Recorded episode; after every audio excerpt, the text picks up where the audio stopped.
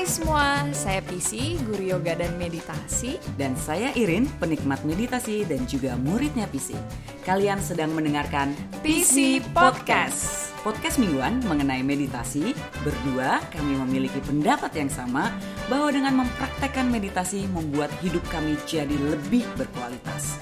Dalam PC Podcast ini kami akan membahas meditasi dari segala haluan dan juga sudut pandang. Dari ilmu bumi sampai ilmu langit, from silly to serious, dengan penuh tawa dan juga bisa air mata, berharap semakin banyak yang mendapatkan kebaikan dari mempraktekkan meditasi ini. Salam, sehat, kaya, dan bahagia. Iya, halo semuanya, kembali berjumpa lagi di edisi PC Podcast. PC Podcast. Sepertinya eh, kita eh, menghilang cukup lama ya, walaupun diselingi dengan ada YouTube YouTube yang walaupun hanya tiga series, eh, kita kembali lagi. Baru tiga seri, baru, baru, tiga, tiga series, seri. ya, baru tiga series. Ini eh, kembali kita terpaksa eh, melakukan eh, rekaman Zoom berjauhan lagi. Jadi kemarin udah direncanakan sebenarnya eh, saya Irin juga ada Rama. Ada juga PC pastinya Hai. itu udah merencanakan untuk eh, syuting ya, cuman eh, terpaksa karena angka eh, COVID-19 yang semakin hari sepertinya semakin tidak terkontrol. Ini bisa dikatakan sangat tinggi gitu. Kasus hariannya selalu menembus rekor. Jadinya terpaksa kita eh, audio lagi. Nah, semoga mengobati rasa rindu teman-teman semuanya. Betul Kak Pisi, betul Kak Rama? Betul. Betul ya. Eh, eh. Yes. Jadi karena eh, sepertinya eh, agak ah gitu ya. Maksudnya hari-harinya pasti agak aduh kenapa sih covid lagi gitu tinggi lagi gitu kan. Padahal kayaknya kemarin Iya. baru mau tanda kutip eh, mau tanda kutip mau normal, mau hidup berdampingan, bisa menerima eh, bahwa COVID-19 menjadi teman keseharian gitu ya, teman yang tidak bisa ditemenin, nggak Iya. usah perlu ditemenin akrab gitu, enggak. Cuman maksudnya kayak kata Rama, kita hidup berdampingan. Kayaknya sih gua baru mau mencoba hidup berdampingan, ternyata udah harus musuhan lagi, udah harus masuk dalam kondisi seperti ini lagi. Kalau gua pribadi, gue jujur agak frustasi gitu. Nah, kalau Rama sama Pisi gimana kabarnya hari ini terkait dengan berita-berita seperti itu? Gimana Rama?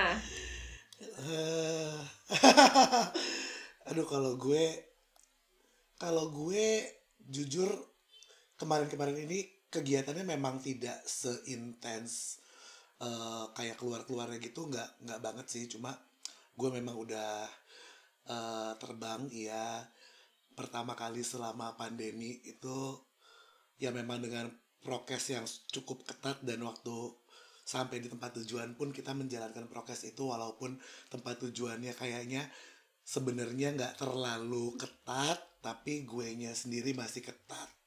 Gue nya sendiri yang mungkin kayak oh ya udah berarti kalau orang-orang sekitarnya nggak ketat bodo amat yang penting gue ketat gitu kan. Terus begitu pulang begitu pulang juga masih kayak gitu nggak nggak sampai yang heboh isolasi mandiri abis travel gitu enggak sih. Tapinya memang masih menjalankan sip eh ya masih ngetes eh, antigen masih PCR masih masih gitu-gitu terus masih masih pakai masker ke mana-mana. Itu gue belajar untuk kayak eh ini nih yang gue bilang mungkin kayak tadi ya berdampingan gitu. Karena tidak bisa dipungkiri bahwa gue memang perlu keluar. Ada kerjaan ada segala macam lah ada ketemu orang Nggak mungkin nggak kerja soalnya juga. nggak mungkin nggak kerja tepat. Terus eh, terus gue sempet datang ke suatu acara yang kita kira prokesnya ketat tapi ternyata malah jadi klaster. Jadi gue jadi gue sempet ke satu acara yang begitu beberapa hari kemudian ketahuan di acara itu ada yang positif dan sampai 33 orang yang positif Wow. Wow, baru tahu tuh aku. Aduh. Aduh, dengernya gini kan maksudnya kita pergi ke acara itu kan dengan segala pertimbangan yang ada dan berharap membawa kebahagiaan. Iya, bener. Iya nggak sih. Mak? Yang model-model kayak waktu zaman awal-awal pandemi itu kan kayak aduh ketemu sebentar sama Pisi sama Rama eh, sejam dua jam Ngecharge terus banget, happy-nya tuh iya. energinya ke charge gitu nah ini Iya. kan maksudnya eh, maksudnya aku tahu Rama Rama orang yang seperti apa di dalam mengambil keputusan dan pasti ketika datang ke sebuah acara dia udah mikirin A sampai Z-nya dengan harapan yang seperti itu pulang terus jadi drop gitu bete gak sih mak? Gitu maksudnya kayak aduh gitu. Harusnya tuh happy-nya jadi kayak kayak kayak ketutup dengan perasaan aduh kenapa ya jadi cluster kayak gitu gak sih mak? Asli asli asli kayak kayak gitu banget kayak gitu banget. Tapi waktu gue tahu waktu gue tahu beritanya waktu gue gue ngebayangin keribetannya berarti kan gue harus ngetes apa segala macam betul. gitu gitu itu gue sudah tidak seperti dulu lagi yang kayak langsung kayak wah deg-degannya setengah mati apa segala macam gini-gini. Karena eh gue sendiri yakin gue melakukan pros prokes yang cukup ketat buat gue sendiri gitu. Pa- even pada saat itu even pada waktu gue datang ke acara itu.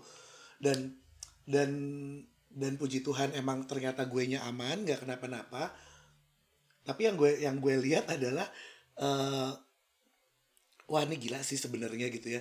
Kalau gue mau kalau gue mau ngomel atau gue mau stres tuh bisa banget. Atau gue mau bragging about this juga bisa banget. 33 Tapi ya, kayaknya gue- gila juga heeh. 33 tapi gak ada yang tahu kan? Even tadi aja gue gak cerita gitu sebelum sebelum kita take gitu.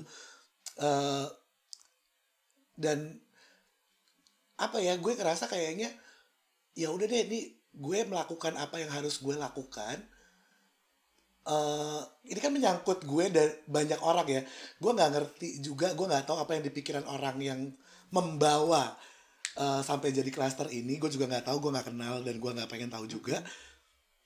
Cuma apa yang bisa gue lakukan untuk diri gue sendiri ya udah gue lakukan aja gitu. Ya gue nanya teman-teman yang lain gimana apa segala macam gitu-gitu. Gue cekin tuh semua teman-teman yang yang gue ketemu pada saat itu gue cekin dan memang dari temen deket gue ada dua orang yang yang positif.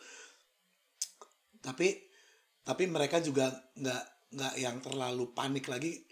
Again kita berkesimpulan kita memang harus pelan-pelan belajar untuk hidup berdampingan dan kalau kita memang mau keluar kita udah harus berani dengan konsekuensinya apa pun itu. Resiko resiko apa pun lo berani keluar ya udah lo terima resikonya. Karena eh, ada juga kasusnya temen gue positif terus dia bilang nih sama sama suaminya aduh aku positif nih. Terus dia ribet ribet ribet ribet ribet gitu. Terus suaminya bilang gini oh kamu tuh masih panik atau deg-degan gitu ya? Atau kamu masih khawatir ya? Aku kira dengan intensitas kamu keluar kamu udah udah siap. Digituin sama suaminya. Gue tuh ngakak sih sebenarnya waktu waktu waktu gue denger cerita itu ya. Cuma again ya itu kayak kalau kita berani keluar kita harus berani menerima resikonya tapi kita juga harus bisa kayak kayak kalau emang ada apa-apa dan kita let's say uh, nggak aman keadaannya kita juga harus berani untuk speak up ke teman-teman yang kita ketemu menurut gue Betul, sih itu itu maksudnya itu kayak udah tanggung jawab sosial lu banget Iya. gak sih? sosial iya iya iya iya untuk ketemu lo tes sebelumnya dan kalau emang nggak aman lo harus berani untuk bilang bahwa guys gue positif atau apa kayak kayak gitu gitu nah itu tuh tahu deh gue gue tuh masih bingung sih banyak yang enggak gitu atau nggak tahu juga sih Iya, Tapi iya, iya. di sini di Iya, sini iya. cerita. Itu itu itu benar banget sih mak. Maksudnya kayak eh, konsep memutus rantai dan melindungi lingkungan itu adalah salah satu yang menurut gua menjadi kunci adalah ketika lu positif ketika lu kena penyakit gitu loh the virus eh, apa ada di dalam tubuh lu itu yang perlu lo lakukan pertama kali adalah menceritakan gitu maksudnya dengan kondisi sekarang eh, eh, eh, apa namanya informasi informasi sangat sangat banyak apa segala macam ya di saat ini ya itu kan lo kayak punya media sosial itu ya lo pakai untuk itu Iya. nggak sih gitu kalau gue ya mikirnya bukan kayak dulu orang harus Iya. kirim surat eh gue ternyata kemarin gue kena malaria atau apa gitu enggak gitu lo kayak in minute gitu lo harus ngumumin bahwa "Eh, guys eh, saya habis PCR dan ternyata positif jadi eh, bagi teman-teman yang lima hari bertemu saya eh, tolong lakukan eh, tes mandiri ataupun eh, ke lab atau segala macam dan you don't have to be sorry gitu karena lo kena virus gitu. Kalau gue ya bilangnya ya maksudnya itu bukan suatu aib yang lo harus tutupi dan minta maaf. Itu kan kayak kondisi yang memang begitu kan Iya. mak? Jadi kayak gue nggak ngerti juga Iya. mengapa orang eh, memutuskan untuk tidak menceritakan ketika dia terjangkit. Benar. Gitu. Iya iya iya. Hmm, kalau kalau gue sendiri hmm, mungkin dari awal pandemi udah di rumah terus juga sampai kayaknya sampai kayaknya suami gue sendiri yang bingung kayak kamu nggak bosen ya di rumah secara secara Ozzy kan Iya, kerja banget. kerja dan dia harus bener bener kan bener gitu. jadi bukan yang kerjanya bisa eh, from nggak gitu, bisa. maksudnya bukan eh, online gitu karena kan dia konstruksi ya. Jadi kayak harus Iya, lihat bentuk harus visit. eh, site-nya gitu. Jadi eh, itu juga yang akhirnya salah satu hal yang menurut gue hmm, perlu disadari juga gitu. Karena em, banyak yang aku sadarin sekarang ini apalagi ngelihat sosial media gitu ternyata masih banyak orang yang nggak percaya gitu sama covid gitu aku Asli. awalnya mungkin awal-awal tahun aku kayak eh, nggak speak up tentang ini karena ya menurut aku ya udahlah orang punya em, pikiran masing-masing yang harus mungkin dihargai juga apa pun behindnya gitu Iya betul. cuman aku melihatnya jadi Asli. eh, apa ya jadi saat ini jatuhnya semakin bahaya gitu karena kan kelihatan banget kalau covid ini nggak nggak hilang-hilang gitu hampir dua tahun gitu Iya. Dan COVID kan penyakit eh, Iya. komunal ya, maksudnya dalam artian ini kan eh, apa Betul, komunal disease betul. gitu yang harus diselesaikan bukan Betul. pribadi tapi diselesaikan secara bahkan komunal komunal itu adalah Iya. secara dunia karena pandemik kan yang terjadi semua tempat kan gitu jadi Iya. Bukan, bukan, cuma satu rumah satu bukan RT. hanya satu kota aja gitu jadi Iya. Kal- kalau melihat em, apa yang kenyataannya ya di lapangan apalagi aku soalnya selama ini eh, jarang banget ketemu orang atau bertamu atau ke acara gitu kayak Rama misalnya. Eh, itu eh, tapi aku memang eh, jujur sering kayak misalnya kabur ke mana jauh entah berantah yang isi cuma hutan doang gitu kan. Tapi memang aku melihat sepanjang perjalanan dari Jakarta ke tempat mana pun itu dari dalam mobil daerah-daerah ini tuh emang nggak ada covid kayaknya orang-orangnya gitu kayak di di daerah-daerah gitu mereka mungkin nggak pakai Mm-mm, masker nggak pakai gitu. masker terus atau mungkin mereka berkerumun mereka jualan gorengan biasa aja gitu kayak kayak Itu malah gue yang kan? takut tau gak sih kalau kayak Iya. gitu gue takut gue yang Iya bawa. juga bener juga terus habis itu untungnya sih gak ikutan beli gorengan ya gitu. Kayak langsung cuma ngeliat-ngeliat aja gitu. Aku walau tempting Iya, ya walau walau tempting. tapi itu fenomena yang menurut aku menarik gitu. Eh, mungkin heboh di beberapa kota tapi kalau di daerah-daerah pelosok-pelosok itu nggak ada. Ya mereka biasa aja kayak nggak ada.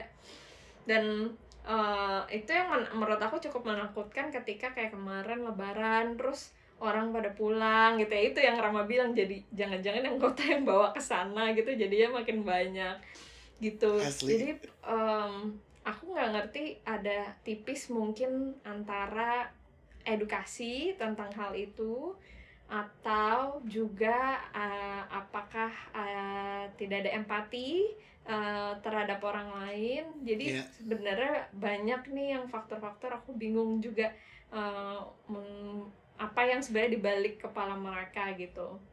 Terutama eh, orang-orang yang memang sudah eh, berpendidikan dan merasa tidak percaya. Eh, menurut aku em, sebenarnya ya tadi aku menghargai cuman kalau jadinya membahayakan banyak orang itu yang kayaknya perlu dilurusin gitu. Misalnya ya contoh misalnya aku nggak percaya nih eh, terus kita mau rekaman Eh, tapi aku karena nggak percaya jadi sering ke mana aja bodo amat kan. Nah kalau misalnya aku nggak percaya eh, sama hal itu terus kita mau ketemuan kalau aku bertanggung jawab mendingan ya nggak usah ketemu gitu sama Irin sama Rama eh, rekamannya gitu. Kayak ah, aku nggak percaya tapi aku tetap nggak membahayakan orang lain gitu. Kalau misalnya eh, Iya. kera- tetap akhirnya nggak percaya tetap sporadis ya ke mana-mana bebas bodo amat sama orang lain. Menurut aku itu yang udah memba itu dua hal yang beda sih gitu. Kayak lo punya pemikiran uh, tapi lo juga punya tanggung jawab gitu sebagai uh, masyarakat ya Iya. sebagai secara komunal. Satu hal yang harus dipertanggungjawabkan gitu. Ada atau nggak ada tapi itu kan umumnya orang lain harus dihargai juga gitu. Misalnya Irina Rama percaya ya udah harus diikutin jalur ceritanya beda cerita sama kalau secara personal nggak percaya gitu sih menurut aku Iya, iya, iya, iya. Empati Jadi ya, empatinya berempati. ini menurut aku eh, penting banget nih di saat genting kayak gini gitu. Ma- masalah percaya nggak percaya, masalah ada apa enggak, jadi nggak berlaku kalau kita itu eh, udah punya rasa empati gitu. Empati apalagi eh, kalau keluarganya belum pernah kena, dianya belum pernah kena, susah mungkin kan berempati karena nggak ngerti rasanya, nggak ngerti nih bener apa enggak gitu. Iya, Jadi kalau ada sebelum kejadian ini ah, udah ada empati sedikit, mungkin dia bisa oh iya ya nggak boleh nih gitu asal-asal soalnya Mm-mm. orang lain juga berhak Iya. gitu punya pemikiran gitu. Kalau misal aku percaya A, terus Iya, lo iya. percaya B, terus gue jadi kayak ah ngapain? Misalnya kayak merendahkan gitu kan kayak lo eh, yang percaya ya terserah lo kalau lo mau sakit gitu. Itu kan udah beda ya kayak gitu. Iya, iya, iya, iya, iya, iya. Ya, ada yang bilang kan bahkan gini ya, ya ngapain apa lo kan penyakit tuh ada di lab gitu. Kalau nggak di lab ya lo nggak nggak ada penyakit gitu kan. Jadi nggak perlu Mm-mm. tes karena kalau tes jadinya eh, di covid kan Mm-mm. gitu kan. Maksudnya kan ada Iya. juga yang kayak gitu sih dan gue tadi eh, nangkep eh, yang lo omongin gitu bahwa eh, yang pertama adalah lo tadi bahas mengenai Iya. edukasi gitu. Itu iya satu edukasi Iya. tentu memegang peranan yang sangat Mm-mm. penting ya eh, di dalam uh, pemahaman terhadap suatu kejadian ataupun fakta yang dipaparkan dan menjadi kebenaran Mm-mm. universal gitu. Nah, tetapi memang ada lagi kendala, uh, makanya kalau gue berbicara soal kayak di tempat gue di di Maluku Utara itu kan ada orang yang terinformasi secara utuh, ada orang yang terinformasi setengah-setengah, dan ada orang yang tidak terinformasi Iya. sama sekali karena mereka uh, ada uh, tidak ada tele apa telekomunikasi yang bagus gitu, nggak ada sinyal, nggak ada segala macam. Iya, Nah, iya. gue oke lah gitu mungkin teman-teman yang jual gorengan di daerah itu adalah termasuk yang eh, terkomunikasi setengah-setengah sehingga eh, Iya. informasinya nggak nggak utuh tetapi yang eh, kita sedang bicarakan dan bahas itu adalah eh, apa ya ignorance atau ketidakpedulian atau ke nggak mau tahuan atau apa pun itu istilahnya kepada mereka yang sudah terinformasi secara penuh tetapi masih eh, melalaikan ataupun tidak mengindahkan eh, yang menjadi kesepakatan bersama untuk menghentikan penyakit ini kan gitu Iya. kan sih kan. Jadi kayak gue terinformasi bahwa COVID-19 asalnya dari Wuhan, begini begini begini, sekarang ada varian baru gini gini gini dan kita tahu cara penularannya begini begini begini. Kita tahu cara mencegahnya dengan gini gini. Tapi gue masih tidak mau melakukannya atau bahkan mengejek orang yang melakukannya.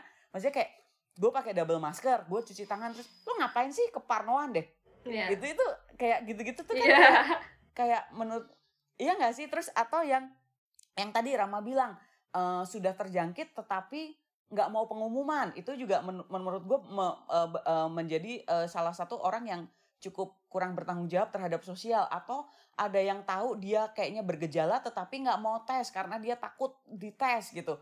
Atau yang kayak udah tahu positif eh, dengan tes dan segala macam tetapi tidak mau eh, berkorban dalam masa penyembuhan. Umpamanya eh, gue nggak mau ah isolasi Mandiri. mandiri di luar rumah gue atau ke rumah sakit. Karena gue nggak nggak gue mau dilayanin gitu maksudnya di rumah ada ada mungkin ada ada asisten rumah tangga atau ada anggota keluarga yang bisa ngelayanin dia ketika sakit nah menurut gue itu ada beberapa banyak tipe orang yang bisa dikatakan ya tadi mungkin ignorance nggak peduli nggak bertanggung jawab atau apa pun itu yang secara garis besar sesuai tema hari ini tidak menunjukkan empati ataupun kepedulian ataupun apa ya rasa ingin mem- membantu lingkungan dan sesama untuk menghentikan penyakit seperti ini. Nah, pertanyaan selanjutnya untuk Ramadan.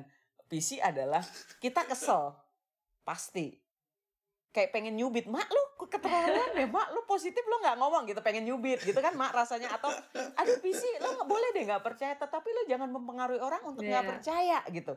Atau malah kayak kemarin media gitu ya ini eh, glorifikasi media terhadap merek vaksin tertentu yang menurut gue juga aduh jangan gitu deh kita lagi vaksin aja banyak orang yang masih nolak terus lo mengglorifikasikan Iya. merek tertentu yang nggak masuk di Iya. Indonesia itu kan kayak kayak lo bukannya membantu pemerintah untuk uh, apa menyebarkan vaksin tapi lo malah malah menghambat. Iya. Nah kayak gitu-gitu tuh kesel tentu di dalam diri gue kesel.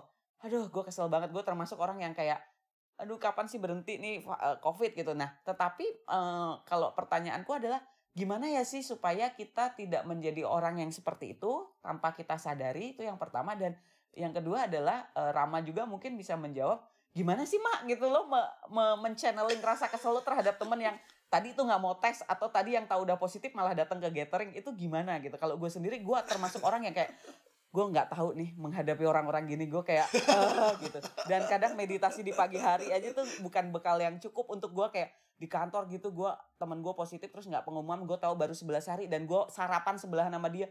Gue sampai marah-marahnya bener-bener ini nggak bertanggung jawab bapak dipanggil yang terhormat. Tapi ya kayak gitu gitulah itu itu gimana kalian menghadapi dua pertanyaan gue tadi? Aduh gue jawabannya sama kayak nggak tahu gimana kalau gitu kita tanya ya kita ibu Pisi karena dia pasti tahu jawabannya Aduh, mencoba menjawab ya. Kalau em, aku menghadapi orang atau situasi seperti itu, pertama-tama tangannya taruh di dada, mengelus dada dulu ya. Harus sabar. dari atas ke bawah atas ke bawah Iya, inhale, exhale. harus sabar.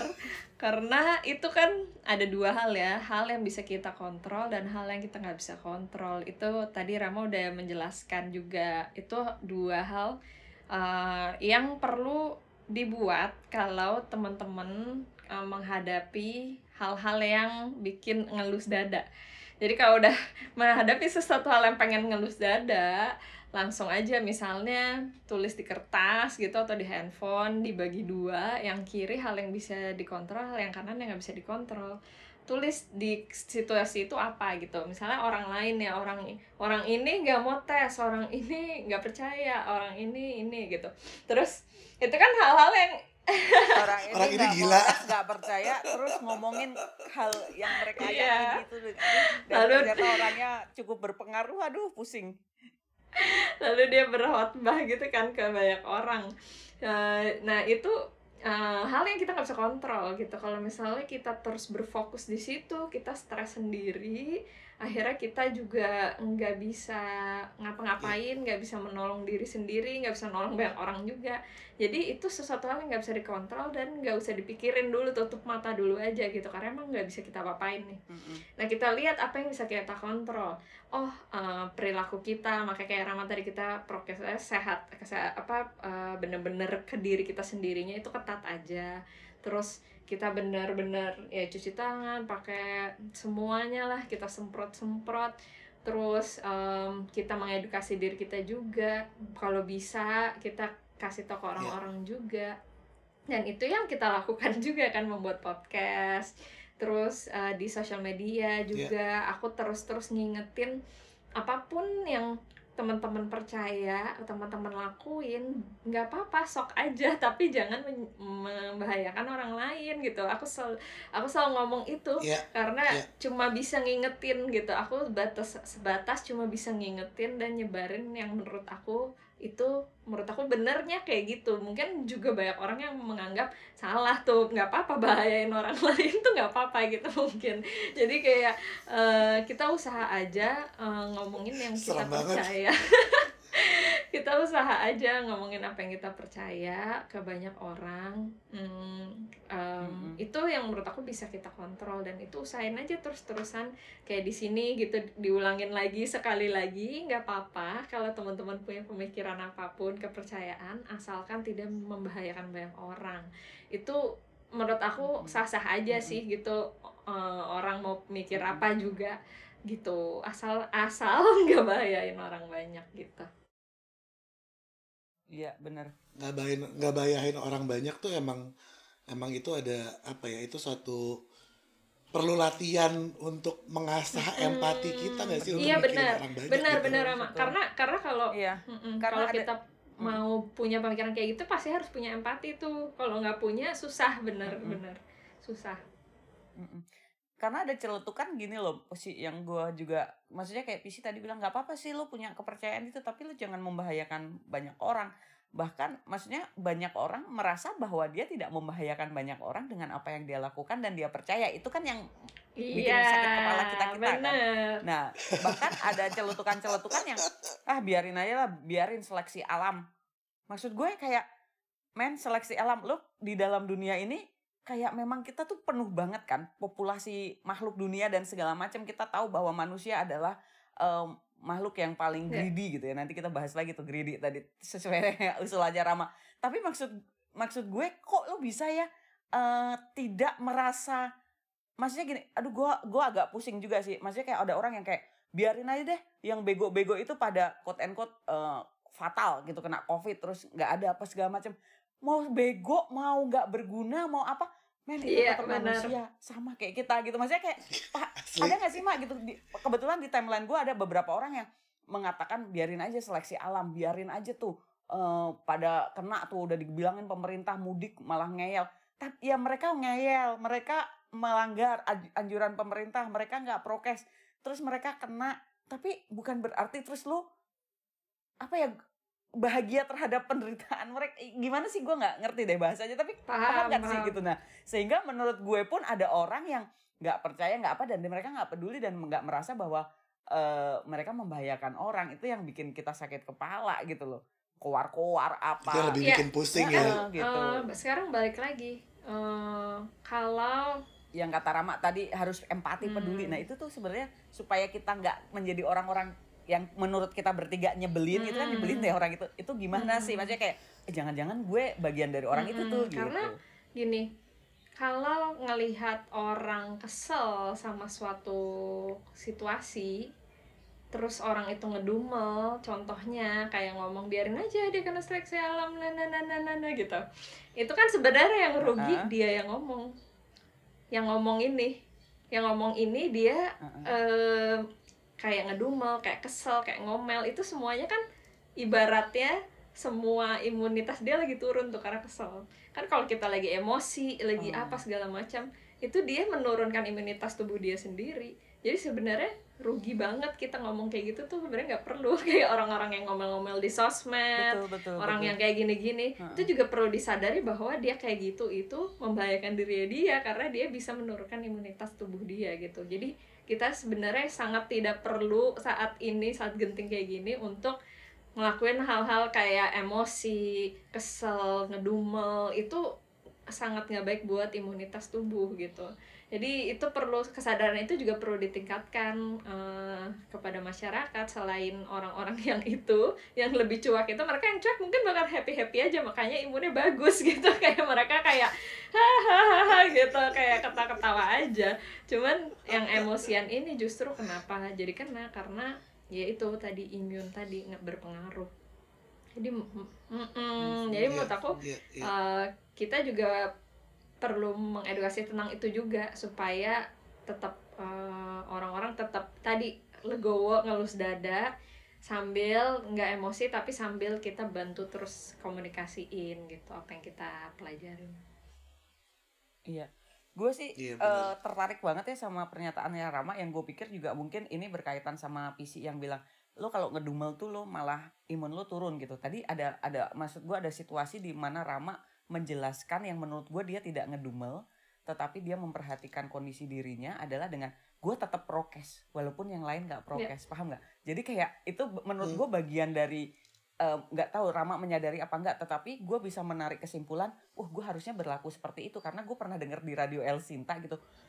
Kita disuruh prokes itu polisi-polisi pejabat nggak prokes. Maksud gue lo lo kenapa harus meng- Bener. mengikuti aturan ketika orang Bener, mengikuti aturan bener. paham nggak padahal itu Iya, akhirnya iya. merugikan Bener. lu gitu nah itu yang tadi ketika Rama bilang gue sih tetap menjaga prokes gue sendiri Eh, sehingga ya kita tahu hari ini Rama tidak tidak terpapar walaupun ada klaster 30 orang itu gitu gue ngelihat di situ ada suatu ketulusan ada sesuatu kesadaran dan juga ketulusan dan dia tidak kayak anjing nih orang-orang pada nggak nggak prokes lagi tapi dia bilang oke gue tetap prokes karena gue tahu ini baik untuk diri gue sendiri dan baik untuk lingkungan gue maksudnya dia pulang aman gak bawa Iya. penyakit itu kan baik untuk lingkungan nah iya. itu menurut gue juga mungkin menjadi satu contoh eh, kunci juga yang PC tadi jelaskan adalah jangan ngedumel jangan marah biarin aja orang nggak melakukan tapi kita tetap harus bertanggung jawab terhadap diri dan bertanggung jawab Betul. terhadap lingkungan dengan kalau contoh kecilnya tadi yang Rama lakukan mungkin itu ya sih ya betul kalau gue bisa menyimpulkan apa yang bisa gue pelajari dari obrolan Betul. bersama kalian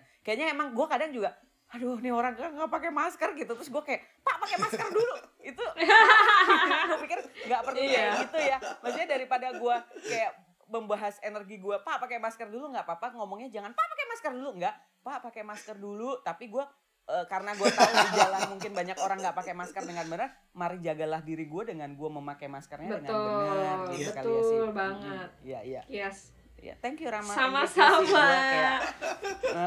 Sama-sama. kayak gue beneran kayak kondisi kayak, aduh gue nggak ngerti Iya. nih gitu. Maksudnya kayak ah gitu kan, maksudnya paham kan. Tapi tadi maksudnya dari Rama gue belajar, da- maksudnya dijelaskan teorinya PC, tapi Rama sebenarnya sudah menjelaskan. Ayo nggak usah ngedumel deh. Yang penting kita jaga diri kita sendiri. eh, dan itu men- eh, secara otomatis menjaga lingkungan mungkin itu adalah bentuk empati yang terus-terusan harus kita ingatkan pada diri kita sendiri dan kalau bisa disebarkan ya Betul. PC ya dengan mulai dari diri sendiri Iya. empati terhadap diri sendiri yang otomatis akan berempati kepada Betul. lingkungan sama-sama memutus Betul. rantai amin Amin, amin. Mudah-mudahan ya. Heeh. Karena ini udah terlalu lama loh Pak Dewi ini. iya gue kangen makanya Gua kita kangen harus banget loh beneran kayak podcast yang anytime yang kayak eh podcast yuk gitu terus nggak mikir kayak aduh lagi angkat iya tinggi jangan dulu.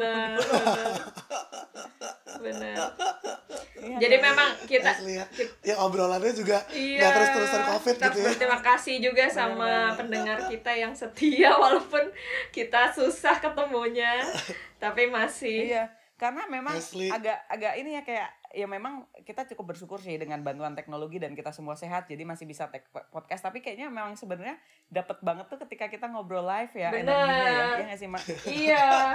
Karena kita juga jadi colongan meditasi iya benar sekalian.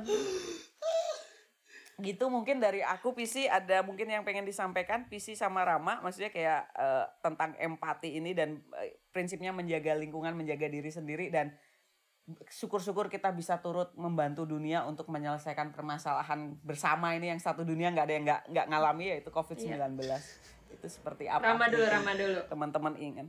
Mm-mm. eh ya maksudnya kayaknya again gitu ya pokoknya gue selalu ngerasa apa pun yang gue percaya dan gue yakini bukan cuma dalam hal pandemi ini tapi dalam segala hal dalam pekerjaan dalam bersosialisasi dan segala macam eh jangan sampai keputusan-keputusan gue itu merugikan banyak orang. Once once gue udah udah berhubungan sama orang lain seperti misalnya di, di kantor gue ada banyak karyawan dan segala macam segala macam apa pun itu gue juga nggak bisa terlalu egois untuk cuma mikirin maunya gue apa.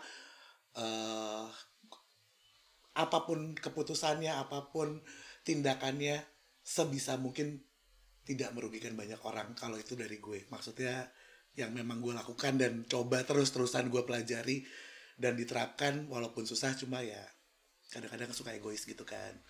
Cuma selfish ya? wajar bukan wajar sih mungkin human lah ya menurut gue. Ini pembenaran. Eh, cuma cuma cuma itu yang hal yang selalu gue pelajari dan coba gue terapkan adalah tidak merugikan orang lain dan coba sadari Betul. terus-terusan ya mempelajari untuk menyadari tidak Iya, merugikan betul.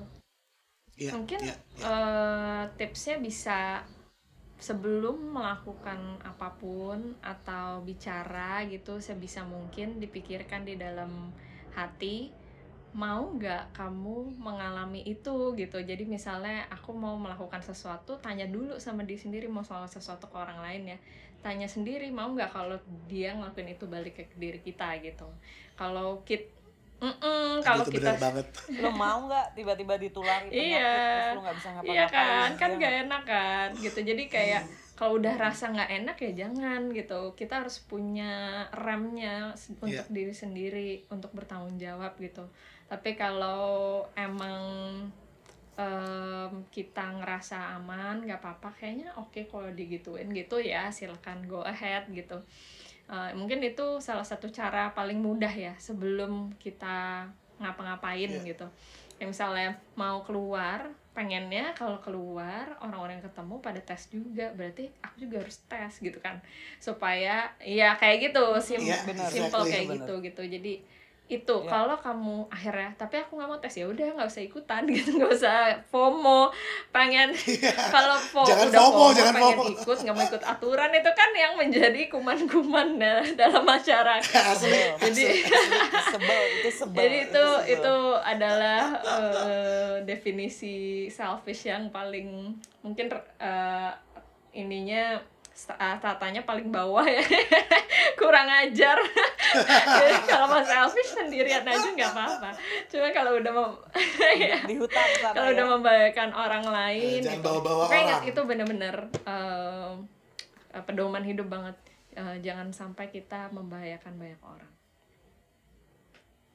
Ya, ya. Yes. betul betul maksudnya bertanggung Cakep, jawab lah ya cakep. menjadi bagian dari warga dunia jangan uh, selfish Mm-mm. ya maksudnya kita benar-benar harus Ya. uh, peduli banget terima kasih Pisi Sama-sama. terima kasih Rama moga-moga teman-teman kita saling seperti saya diingatkan Rama dan Pisi juga semoga obrolan ini saling mengingatkan mengingatkan kita bersama bahwa COVID-19 itu bisa diselesaikan secara bersama-sama. Tidak ada satu orang pun yang bisa menyelesaikan, tetapi yang bisa menyelesaikan adalah bersama-sama. Kita semua turut bertanggung jawab ketika angka itu melonjak dan kita semua juga memiliki kewajiban untuk eh, menekan angka angka angka penyebarannya. Itu mungkin PC boleh di lead latihan untuk meditasinya, Iya. latihannya yang kita tunggu bersama selalu. Enak. Latihannya enak nih apa nih Iya. Pis? tema besar latihannya dari obrolannya tema kita nih, hari ini akan latihan belajar empati dalam meditasi Asik.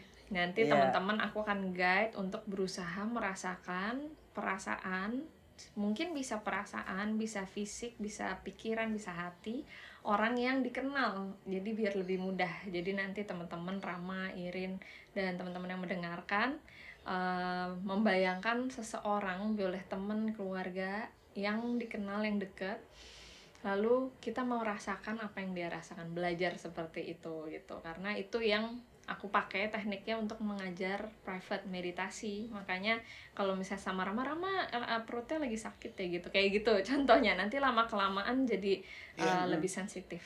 Oke silakan duduk senyaman mungkin lalu dipejamkan matanya. Kita akan rilekskan badan dan pikirannya. Ambil nafas panjang dari hidung buang nafas dari mulutnya. Inhale. Exhale. Inhale. Exhale. Sekarang bernafas dari hidung lewat hidung. Kita akan melepaskan masa lalu dan masa depan, fokus hadir utuh saat ini dengan terus merasakan nafas. Rasakan udara yang keluar dan masuk di hidungnya. Rasakan panjang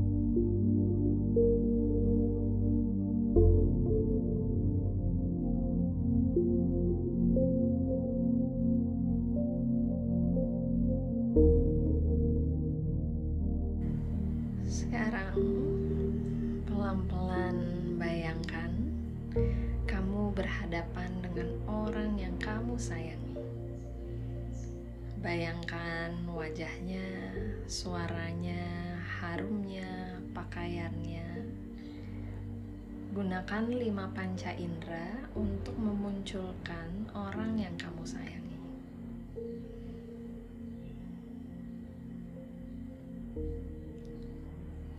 dan rasakan energi mereka, baik secara fisik,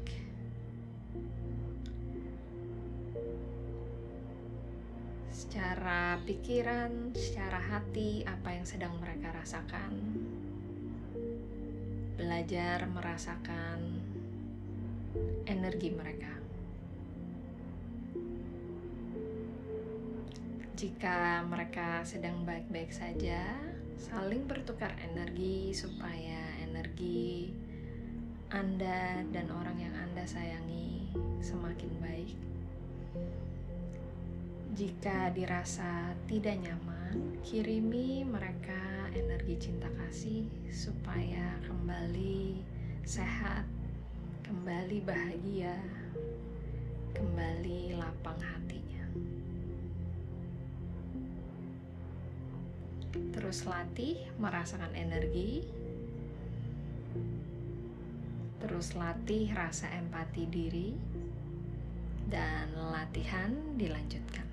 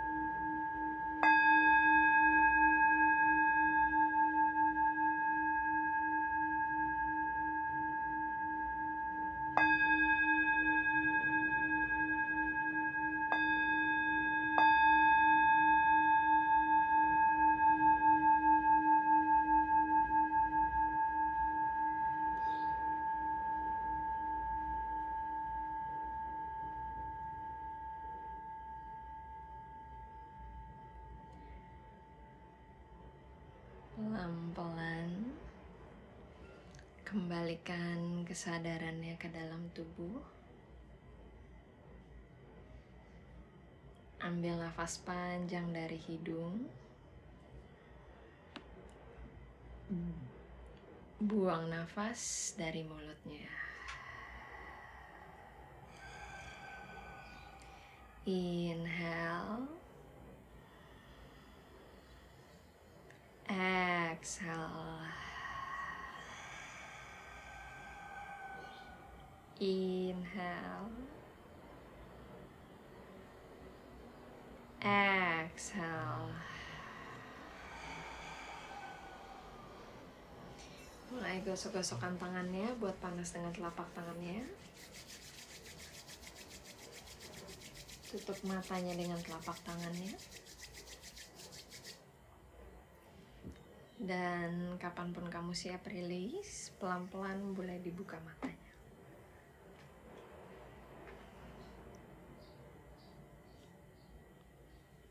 Oke, welcome back, selamat datang kembali. Irin, Gua air liurnya banyak banget. Rama enak juga ya kayaknya tuh, enak ya. enak enak So, Ini dipening di sini nih kepala. iya, Munci ya. mm-mm. itu, itu mem- me- merasakan energi orang lain tuh memang Hmm. butuh latihan ya. gimana?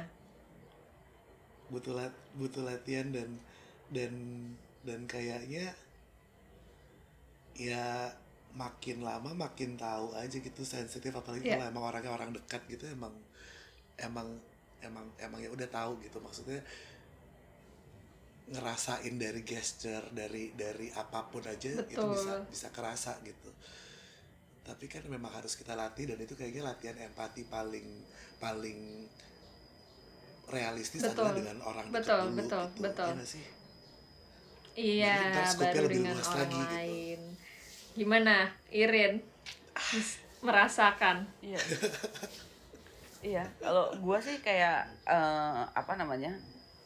Gua se- eh, cukup bersyukur gitu ya. Gua sebenarnya apa ketika ada orang yang kalau gua kan belajarnya kan karena kemarin terlalu sensitif jadi kayak ini orang energinya nggak enak nih orang energinya asik apa Hmm. gitu gitu kan sih tapi kan yang gua pelajari lebih kepada kalau kemarin awal-awal meditasi itu kan ngeblok supaya gue tidak terpengaruh terhadap energi itu Iya. gitu nah nah sekarang Iya. yang gue pelajari dengan empati itu adalah ketika gue tetap dalam stage berenergi baik ketika orang itu pun tidak memberikan energi baik Iya. kepada gua karena dia adalah orang yang gua Iya. sayang gitu kan jadi eh, jangan guanya yang kebawa menjadi negatif karena dia tetapi sebisa mungkin gue memenuhi dulu energi gue yang dengan kebaikan guanya udah merasa baik dulu sehingga gue bisa paling tidak walaupun hanya setetes dua tetes energi gue bisa menetralisir energi yang tidak baik Betul. pada dirinya jadi itu yang menurut gua empati jadi gua mengingatkan diri gua bahwa gua harus penuh dulu sehingga gua bisa ngasih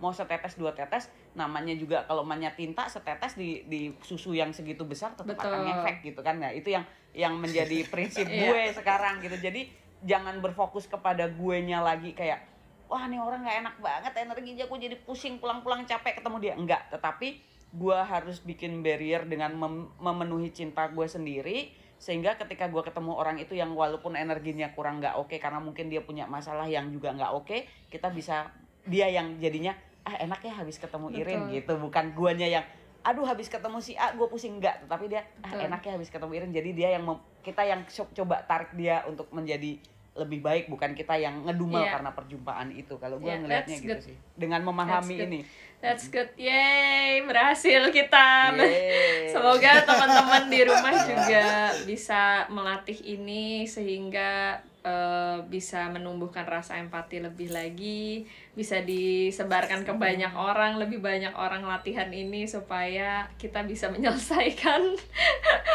masalah komunal Amin. kita supaya amin supaya Asli, asli, semuanya amin, amin. tetap sehat kayak bahagia. Yeay. Amin. Oke.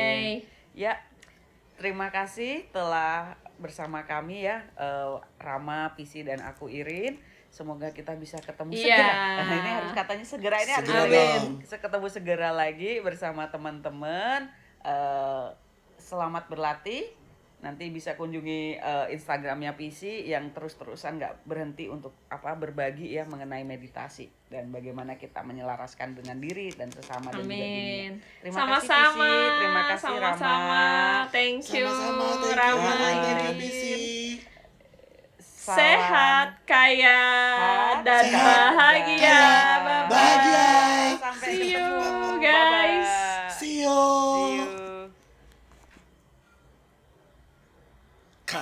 cup.